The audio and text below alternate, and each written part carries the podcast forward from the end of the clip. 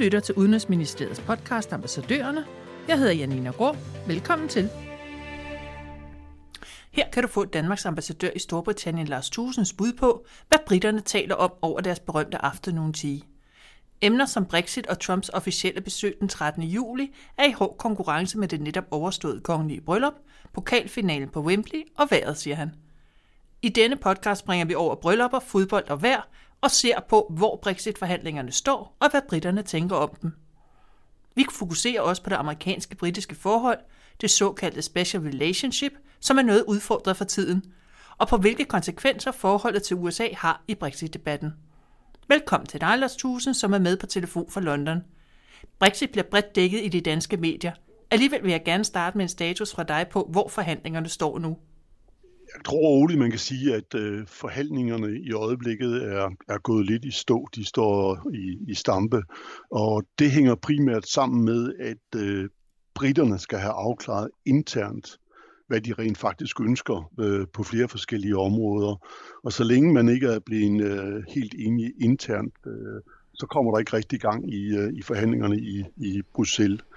Øh, I december øh, nåede man jo et stykke vejen på det europæiske råd, ikke? hvor at, øh, man sagde, at nu er der noget, opnået tilstrækkelige fremskridt på de her tre skilsmisseemner til, at vi kunne begynde at drøfte det fremtidige forhold. Altså det handlede jo om borgernes rettigheder, EU-borgernes rettigheder i Storbritannien og britiske borgers rettigheder i EU. Det handlede om de finansielle udstående og så grænseproblematikken. Og der nåede man så frem til, at der var noget tilstrækkeligt fremskridt på de her emner, og man kunne gå videre til næste fase. Og det fortsatte så øh, frem til det europæiske råd i marts, øh, hvor man så blev enige om en, en overgangsperiode, altså Øh, Storbritannien udtræder den 29. marts øh, næste år, men man finder, der er behov for en overgangsperiode for at få for alt på plads.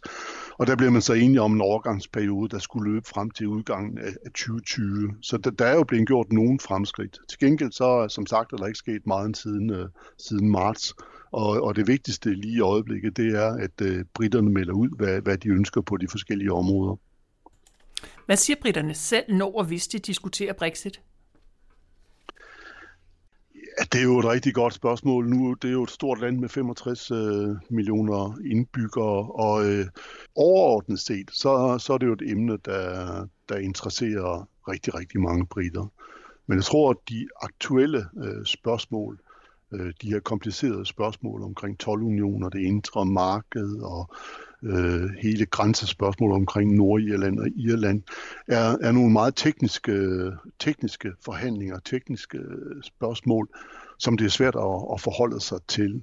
Og der tror jeg, at man skal være meget opmærksom på, at, at når man er i, øh, i London, så er det formentlig ikke, London er formentlig ikke repræsentativt for, for Storbritannien som sådan. Der var en, en britisk minister, der i går sagde til mig, at man hele tiden skulle huske på, at, at London er nok den mindst repræsentative region for, for hele UK. Her er vi jo i en, øh, en kæmpe by, en kæmpe metropol med næsten 10 millioner indbyggere, som er meget internationalt orienteret med en kæmpe finanssektor. Det er et multikulturelt samfund, og der er, er i øh, 10.000 vis af internationale virksomheder, og der er øh, bogstaveligt talt øh, millioner af EU-borgere, der har, der har bosat sig. Så det, det giver selvfølgelig øh, en helt, helt anden, øh, til, anden tilgang til hele Brexit-diskussionen. Øh, mens det er klart, at øh, man rundt omkring i, øh, i Storbritannien også er optaget af en, en række andre, andre spørgsmål. Så jeg tror, i, i øjeblikket tror jeg stadigvæk, at folk øh, har meget stærke øh, meninger omkring Brexit. Men jeg tror, det er, øh, jeg tror ikke, det er en diskussion, som fylder meget i uh, afternoon tea hos, hos de almindelige britter, hvis, hvis man kan sige, at der eksisterer nogle almindelige britter. Nu består Storbritannien jo ikke kun af London. Der er også Skotland, der er Nordirland, der er Wales. Hvad diskuterer de der? Altså udgangspunktet i, øh, i Skotland for eksempel, øh, det er jo, at øh, der var der et, et, et flertal for at forblive i EU. Og det er, det er grundlaget for de øh, diskussioner, der kører i det skotske øh, parlament. Og det store spørgsmål i øjeblikket, det er de kompetencer, som man nu får tilbage til Storbritannien, når man forlader EU, skal de så øh, ligge i London, eller skal de ligge i, i Skotland? Og der er der, øh, der er der ikke helt fodslag mellem Skotland og regeringen. Det er, det er et meget, meget stort emne i, i Skotland. I, øh, i Nordirland er man jo øh, i den grad bekymret for, hvad betyder Brexit for hele grænseproblematikken til, til Nordirland. Der er jo ingen form for, for grænse i, i øjeblikket, men det bliver jo EU's ydre grænse. Så det er selvfølgelig det spørgsmål, der fylder allermest, og hvilke konsekvenser får det for, for fredsaftalen og den økonomiske udvikling øh, osv. Så, så, øh, så det er, Brexit fylder øh, bestemt meget i forhold mellem øh, landene eller regionerne, og så centralregeringen i London. Og hvad med Wales? Uh, Wales uh, er, uh, har ikke så, uh, så klar en profil i det her spørgsmål, som man har i Skotland og i, uh, i Nordirland. I Wales var der faktisk også et flertal for, for Brexit uh, som sådan. Det betyder ikke, at man ikke følger uh, drøftelsen meget nøje og også uh, forhandler med London omkring, hvor kompetencerne skal, skal ligge efter Brexit. Den amerikanske præsident Trump kommer på officielt besøg i Storbritannien den 13. juli. Siden Trump blev valgt som præsident, har det gang på gang vist sig, at Storbritanniens special relationship måske snarere er med EU end med USA. Og senest i forbindelse med sagerne om den amerikanske opsigelse af Iran-atomaftalen og flytningen af den amerikanske ambassade i Israel til Jerusalem. Giver det britterne second thoughts i forhold til den kommende Brexit?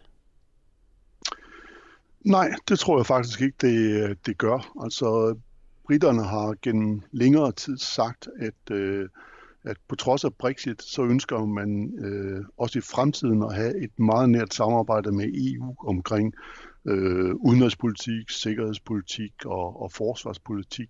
Øh, man har faktisk også sagt, at man er også med på at, at, at deltage i videreudviklingen af, af EU's politikker på de her øh, områder.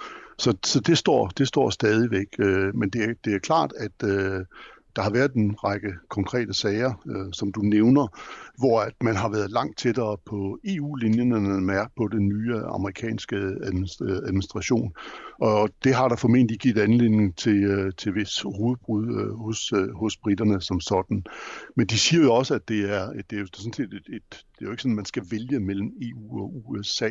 Altså langt, tilfælde, i langt, øh, i langt de fleste tilfælde øh, er der jo de samme øh, værdier, de samme interesser, de samme trusler, vi står overfor, og man kan samarbejde med, med begge parter. Vi har læst om, at der i forbindelse med Trumps besøg har været en masse overvejelser frem og tilbage om, skulle det være et officielt besøg, skulle det være et statsbesøg. Hvordan ser britterne på det? Ja, det har været en, en længere proces. Øh, da den britiske premierminister besøgte Trump, øh, inviterede hun ham på et, øh, et statsbesøg i, øh, i UK, i Storbritannien. Øh, så gik der nogen tid, og der skulle ske en officiel åbning af den nye amerikanske ambassade i februar, og det meldte øh, præsident øh, Trump øh, fra til øh, med den begrundelse, at han fandt, det var forkert at sælge den gamle ambassade, og den nye ambassade var en, en, en dårlig be, beslutning. Så det var den officielle begrundelse for, at han ikke kom til, til Storbritannien på, på det tidspunkt. Øh, det er klart, det har man været øh, skuffet over, lidt forundret over fra, fra britisk side, øh, da han jo har været i en række andre øh, store magter kloden, øh, kloden rundt. Og derfor er det sådan set med stor tilfredsstillelse, at han har accepteret at komme på øh, officielt besøg den, den 13. juli i øh, London.